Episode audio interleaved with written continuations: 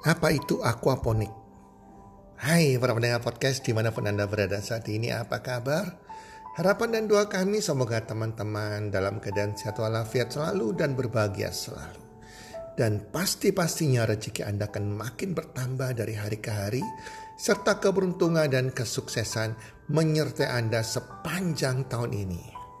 Para pendengar podcast, di podcast kita kali ini kita akan menseringkan atau membahas tentang aquaponik. Karena banyak di antara orang-orang yang bahkan tidak tahu apa itu aquaponik ataupun mungkin pernah mendengar aquaponik tetapi tidak jelas seperti apa sih aquaponik ini. Dan podcast kali ini akan dipandu oleh Bro Eka Darmadi dengan narasumber Yoko, Saudara Yoko dia adalah seorang pecinta dan pelaku aquaponik. Oke teman-teman, kita dengarkan bersama apa itu aquaponik. Semoga bermanfaat.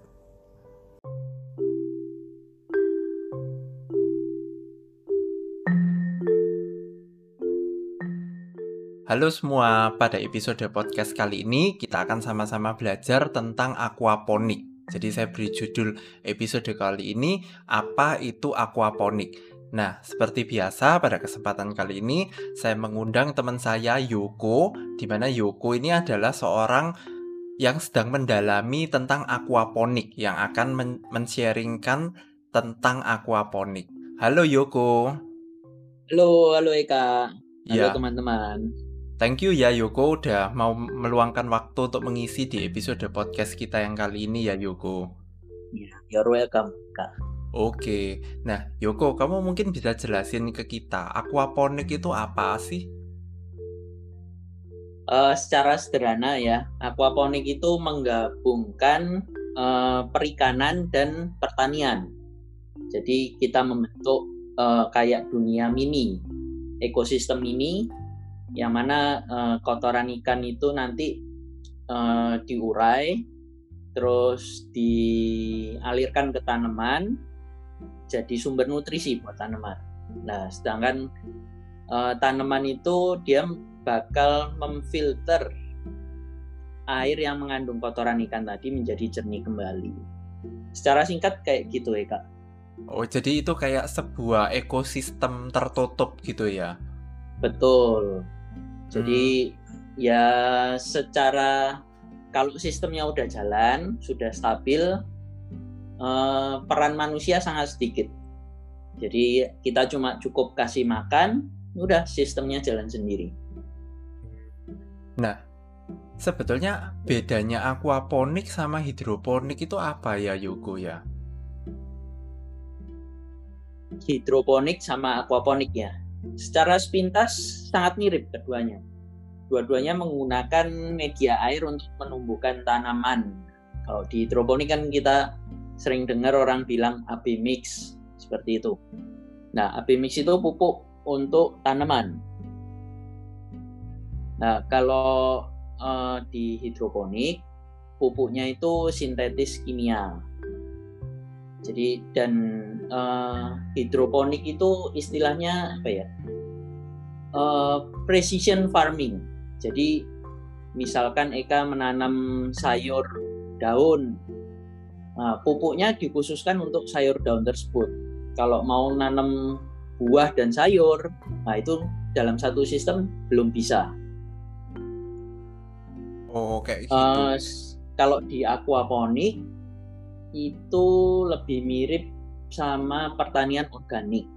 Jadi eh, eh, kita bentuk dulu ekosistemnya. Begitu ekosistemnya sudah jalan, nah kita mau tanam apa pun bisa. Sama di tanian aku eh, organik juga gitu. Kita bangun dulu kualitas tanahnya. Kalau biologi tanahnya bagus, eh, cacing tanah hidup di sana, mikroorganisme ada, bakteri-bakteri pengurai juga eh, tumbuh lebat di sana. Nah, kita mau nanam apa pun bisa. Oh, jadi ekosistemnya aquaponik itu bisa untuk menanam apa aja ya, tapi sedangkan yang hidroponik itu secara spesifik untuk jenis-jenis tertentu yang ingin ditanam aja gitu ya, Yoko ya. Betul, betul. Hmm, lah, kalau menurut Yoko nih, apakah setiap rumah itu penting untuk memiliki aquaponik ini?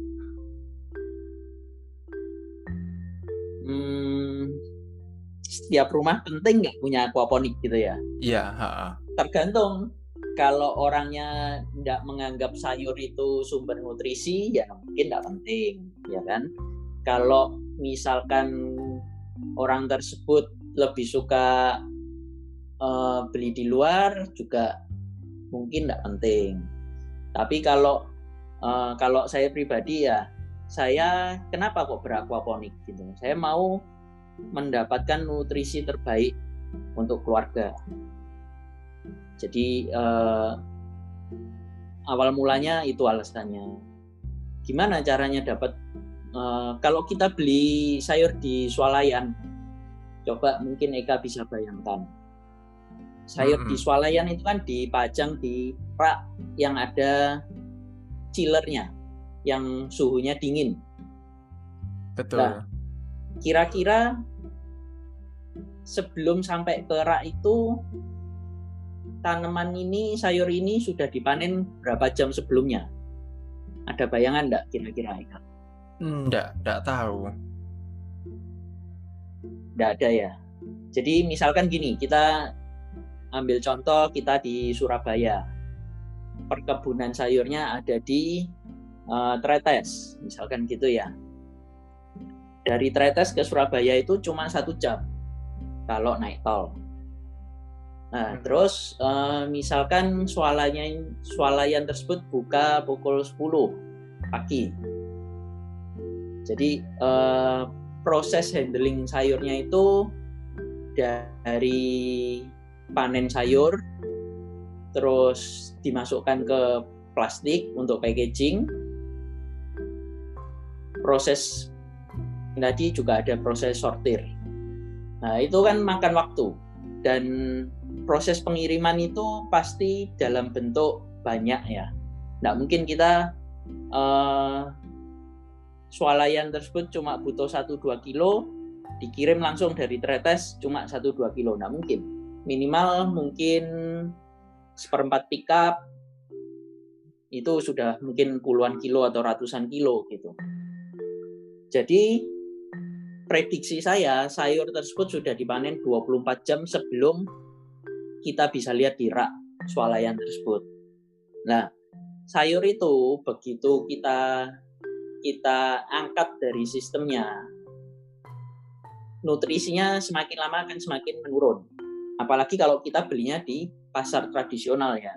Sayurnya sudah layu-layu. Nah, itu nutrisinya mungkin sudah sangat sedikit kalau dibandingkan yang fresh pick. Nah, dari situ kita bisa lihat kalau uh, kita mau dapetin nutrisi yang terbaik, berarti kita harus memotong waktu waktu panen sampai kita dapat sayur. Gimana caranya? Nah, ya menurut saya cara terbaik adalah kita menanam sendiri di rumah. Hmm. Gitu. Jadi dan uh, ini saya sharing aja. Kenapa kok tanam uh, nutrisi dari sayuran ini begitu penting? Ya, saya mau merekomendasikan satu film dokumentasi. Uh, mungkin bisa dilihat di Netflix atau di YouTube juga ada tapi kalau di YouTube nggak ada teksnya ya. Judulnya What's the Health. Terus hmm. sama satu lagi Game Changer. Ini film tentang uh, nutrisi yang dari tanaman, dari sayuran, dari buah-buahan, juga dibahas tentang industri F&B yang ada di dunia sekarang. Gitu. Oke. Nanti Eka bisa tonton ya. Boleh, boleh, boleh. Nah, berarti kayak dalam hal kayak sayuran gitu ya Yoko ya. Berarti ketika sayur itu diambil dari sistemnya atau dipanen lah istilahnya. Terus untuk pengiriman kayak 24 jam terus kita baru bisa beli di supermarket setelah 24 jam. Itu berarti kayak kadar nutrisi itu apa langsung turun semua ya? uh, turun berapa persen saya nggak tahu cuma ya pasti ada penurunan lah oh ada, ada penurunan ya oke okay. mm -mm. nah menurut Yoko nih apakah kalau misalnya di rumah kita ya kita ada aquaponik gitu ya itu apa juga bisa yang namanya menjaga stok pangan di dalam rumah itu ya Yoko ya? Uh, bisa ya kak. Itu uh, ini kayak saya uh, di rumah itu kan halamannya juga nggak luas. Jadi saya cuma pakai lahan 2 kali 3 meter. 2 kali 3 meter itu kayak uh, space parkir di mall. Mm-hmm. ya ada bayangan ya dua kali tiga itu kayak ya cukup untuk satu mobil gitu. Nah dengan lahan ini saya bisa nanam sekitar seribu tanaman seribu sayur. Kok bisa? Lahannya sempit bisa sebanyak itu. Ya saya nanamnya secara vertikal ya kak. Hmm. jadi uh, dalam satu satu tower secara vertikal gitu ya satu pipa itu saya bisa tanam sekitar 60 sayur. Terus total saya ada 16 tower. Jadi kalau dikalikan kurang lebih 1000 sayur. Oh. Lah berarti jadi, kalau uh, jadi 1000 sayur ini mau dimakan setiap hari ya cukup. Setiap hari dipanen cukup. Bahkan sebagian bisa kita jual atau kita kasih ke saudara kayak gitu. Ada peluang bisnisnya juga kalau mau. Oh, peluang bisnis di dalam aquaponik itu berarti kita menjual hasil panennya itu ya Yoko ya? Betul, jual sayur sama jual ikan. Oh, jual ikan juga Yoko? Iya, betul. Hmm, lah kalau misalnya dalam apa ya kita misalnya nanam sayur nih di dalam aquaponik itu. Kalau sayurnya ini udah apa ya, istilahnya udah besar gitu ya. Itu harus kita uh, kita panen atau bisa dibiarin di situ aja gitu Yoko. Uh, cara ini kalau untuk konsumsi sendiri ya. Untuk hmm. konsumsi sendiri kita cuma uh, petik daun-daunnya aja jadi sayur tanaman tersebut bisa terus tumbuh. Tapi kalau dijual ya kebanyakan sayur itu diambil sama akarnya. Nah, kalau kita biarkan sayur ini tumbuh terus, ada yang namanya uh, apa istilahnya saya lupa. Jadi sayur ini mulai membentuk biji, dia mau berkembang biak. Nah, hmm. ini bijinya kalau ditanam tanam lagi juga bisa. Jadi ya sustain. Kita terus berkelanjutan gitu. Oh, oke okay, oke. Okay. Nah, misalnya para audiens nih ada yang tertarik terus mereka ini bingung sebetulnya mahal nggak sih kalau investasi untuk memiliki kayak aquaponik itu Yuko? Mahal atau enggak untuk uh, beraquaponik ya kembali lagi ke prioritas kita. Uh, bagi saya aquaponik itu solusi kesehatan. Bahkan uh, dengan cara kita merubah lifestyle kita itu kita bisa sembuh dari diabetes bisa sembuh dari uh, jantung penyakit jantung. Nah ke, uh, dari sini saya merasa ya berapapun itu itu murah karena memberi kita uh, kunci untuk kesehatan kita gitu. Saya sharing sedikit uh, papa mama saya ya. Mereka umurnya sudah 70 tahun ke atas. Setiap hari minum obat diabetes, minum obat pengencer darah. Uh, papa saya juga pernah bypass jantung. Jadi satu hari itu bisa minum lebih dari enam butir obat. Setiap hari, Kak. Dokter bilang, ini diabetes harus minum obat sampai seterusnya, sampai meninggal. Minum obat terus. Pengencer darah juga gitu. Nah, tapi ternyata melalui perubahan lifestyle kita dengan memperbaiki cara kita memakan uh, sayur-sayuran itu kita bisa reverse diabetes. Kita bisa reverse uh, penyumbatan yang ada di darah di saluran darah itu. Jadi menurut Eka kalau bisa kayak gini manfaatnya murah atau enggak? Ya murah Yoko murah kan? Ya. Ya itu. Hmm. papa saya itu sebulan itu habis untuk obat bisa berjuta-juta. Uh, tepatnya berapa saya juga nggak tahu tapi itu seumur hidup beliau harus minum. Nah ini karena aquaponiknya belum belum belum saya pasangkan untuk orang tua jadi ya belum bisa. Orang tua belum menikmati sayur aquaponik. Hmm. Kalau dari aquaponik yang sekarang Yoko ada di rumah ini ya Yoko ya, kamu itu lagi nanam apa? Lagi nanam apa aja deh di aquaponik yang ada di rumahnya Yoko sekarang? Lagi nanam apa aja? Uh, ini agak lucu Eka. Uh, tanaman yang saya tanam itu kadang bukan melulu sayuran yang kita sering dengar. Jadi saya juga nanam uh, yang orang lain bilang itu adalah gulma. Gulma itu uh, tanaman liar. Gitu. Contohnya krokot. Krokot itu kalau bahasa Inggrisnya namanya common uh, common purslane. Purslane atau apa gitu lupa saya. Nah ini bagi petani dianggap sebagai hama. Eh bukan hama, apa gulma. Jadi tanaman yang uh, tumbuhnya terlalu cepat.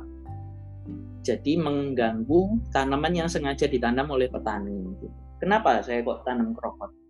Nah, ternyata krokot ini dinobatkan sebagai uh, salmon dari dunia tanaman karena kaya akan omega 3. Bahkan ini klaim dari WHO uh, Krokot ini bisa menanggulangi uh, kelaparan, bisa menanggulangi stunting atau cebol.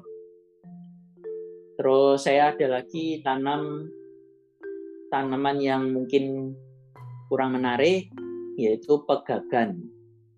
Pegagan ini kalau di Jawa namanya tapak kuda. Ini juga tanaman liar.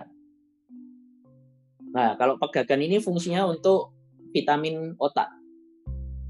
Jadi kayak uh, bisa bikin otak kita lebih konsentrasi, bisa bikin uh, darah kita lebih lancar kayak gitu. Uh, untuk tanaman-tanaman atau sayur-sayur yang lain saya juga tanam kayak pokcoy, uh, selada, terus sawi, yaitu tanaman-tanaman yang kita sering jumpai di swalayan saya tanam juga. Oh. Oh ya Yoko, tadi kan Yoko sempat bilang kalau di aquaponik itu kan ada ikan ya. Nah, ikannya itu yeah. ikan jenis apa Yoko yang dipakai ini Yoko? Uh, basically semua ikan bisa. Mau ikan koi, ikan nila, ikan ya ikan hias atau konsumsi semua bisa lah. Cuman kalau tujuannya untuk konsumsi ya ya disarankan ikan nila karena uh, ikan nila pertumbuhannya cepat, terus juga uh, tahan penyakit. Jadi ya bagus ikan nila bagus. Ya, jadi ikan yang Yoko pakai di aquaponik itu ikan apa kalau yang sekarang ini Yoko? Kalau saya ikannya ada koi, terus ada nila, ada ikan dewa, terus hmm. ada ada mujair juga. Oh. Jadi saya campur-campur ikannya. I see. Jadi ikannya boleh campur-campur gitu ya Yoko ya? Nah, bisa. Hmm.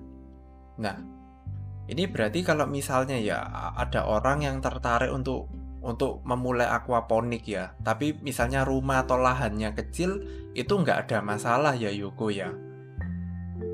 Betul, nggak ada masalah sekecil-kecilnya itu bisa berapa kali berapa Yoko kalau misalnya aquaponik ini Yoko?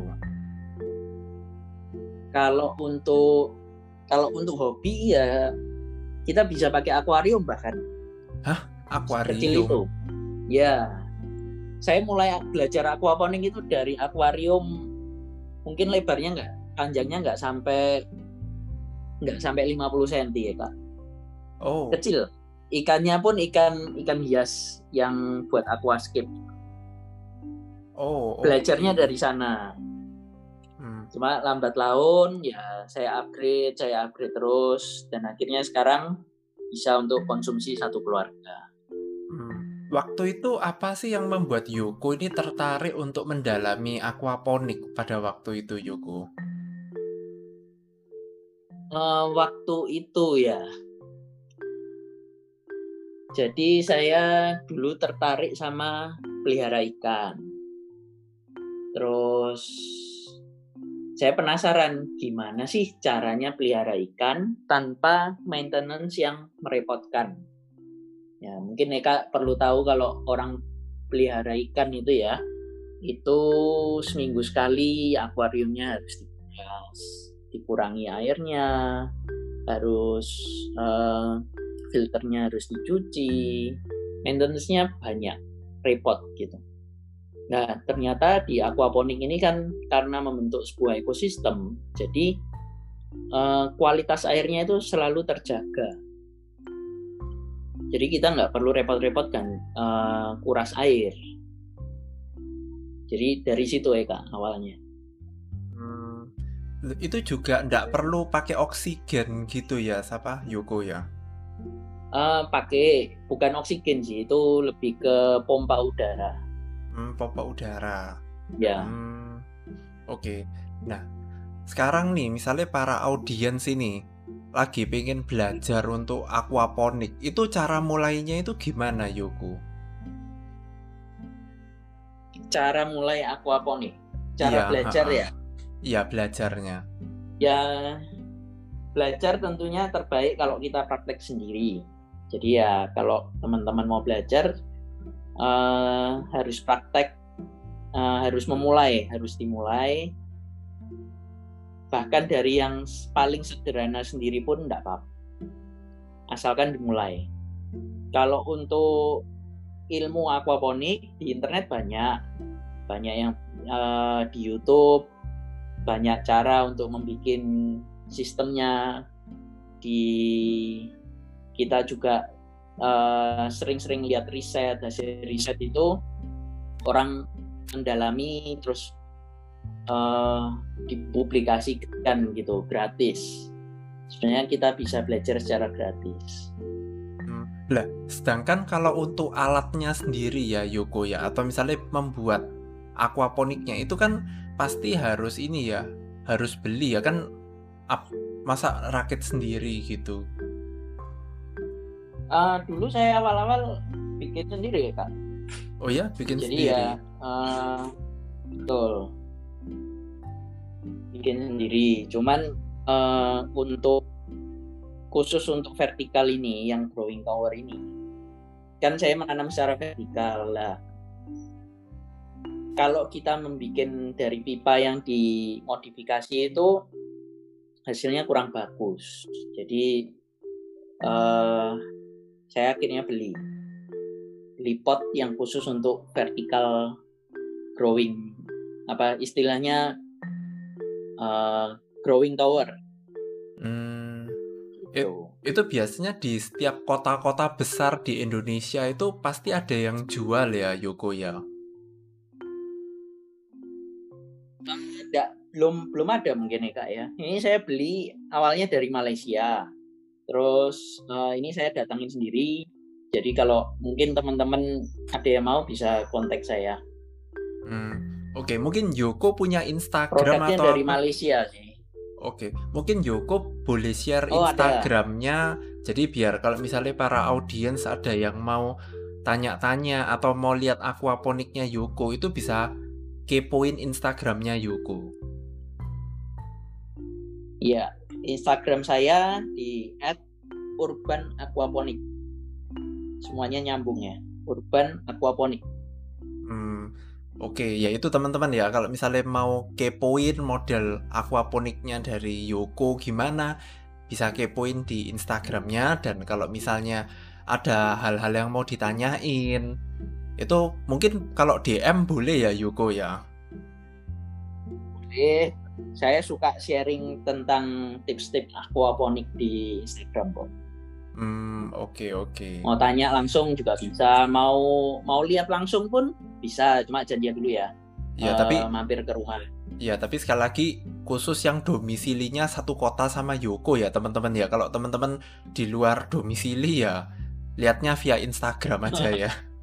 Karena kan pendengarnya Oh, kita iya. ini nggak cuma di satu kota ini aja gitu. Tapi nggak apa-apa Iya. lah. Nanti bisa Tapi tapi dulu kepo-kepo. saya saya ngelihat sistem orang itu sampai terbang ke Malaysia. Hmm, Jadi saya mau lihat fisik. Oh ya begini cara nanamnya. Saya lihat, saya beli tiket ke Malaysia.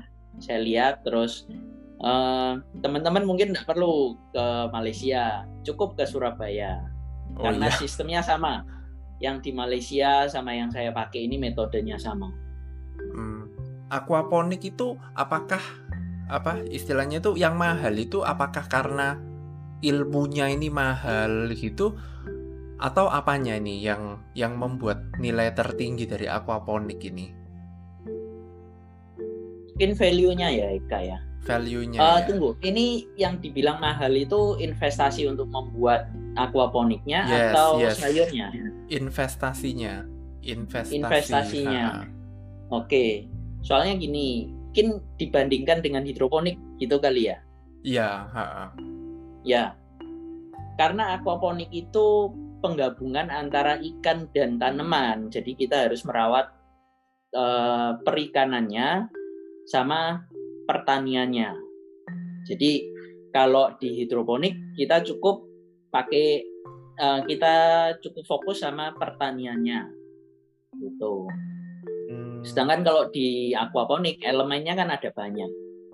Kita harus menguasai ikan, ikan butuhnya apa? Oh, ikan butuh aerator, ikan butuh eh, air yang selalu mengalir kayak gitu. hmm. Jadi mahal bukan karena lebih eksklusif bukan. Mahal karena eh, penggabungan antara eh, merawat ikan dan merawat tanaman. Oke, itu by the way ya Yoko ya, ikannya itu perlu dikasih makan apa sudah dari ekosistem itu ya Yoko ya? Ikan perlu dikasih makan ya. Hmm, Jadi ya perlu. hmm, tetap perlu ya.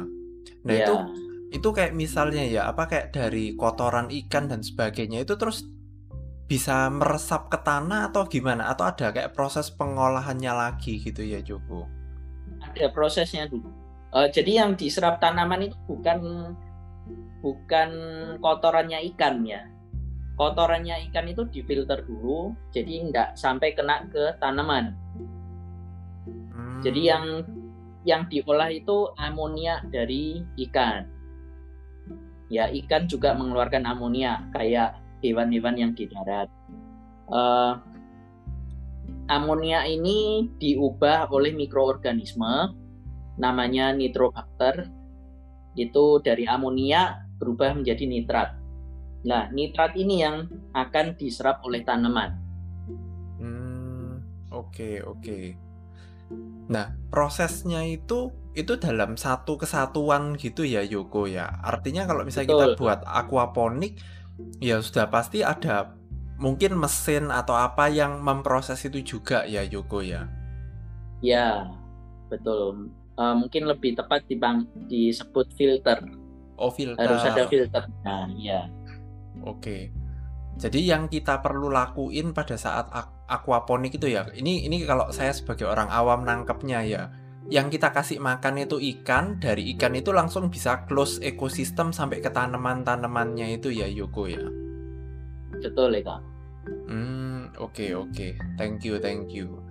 Ya, Iya. jadi itu adalah eh, ya inilah adalah sharing dari aquaponik ya teman-teman ya. Jadi kalau teman-teman ada pertanyaan atau apa mau lihat aquaponik gimana sih, jangan lupa mampir ke Instagram yang tadi ya teman-teman ya.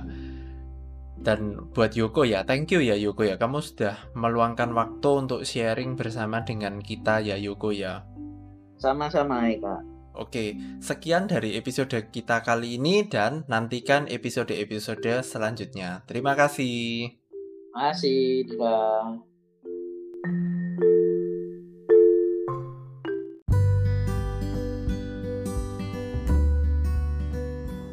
Terima kasih sudah mendengarkan podcast kami. Teman, jika Anda rasa bermanfaat podcast kami ini, Anda bisa menginfokan kepada rekan kerja Anda keluarga Anda, teman ataupun sahabat Anda. Dan jika ada hal-hal yang Anda ingin tanyakan kepada kami ataupun topik-topik apa yang Anda ingin kami bawakan, kami sampaikan, Anda bisa DM kami di Instagram kami healthcommunity.id. Salam one two three, salam sehat, sejahtera dan bahagia.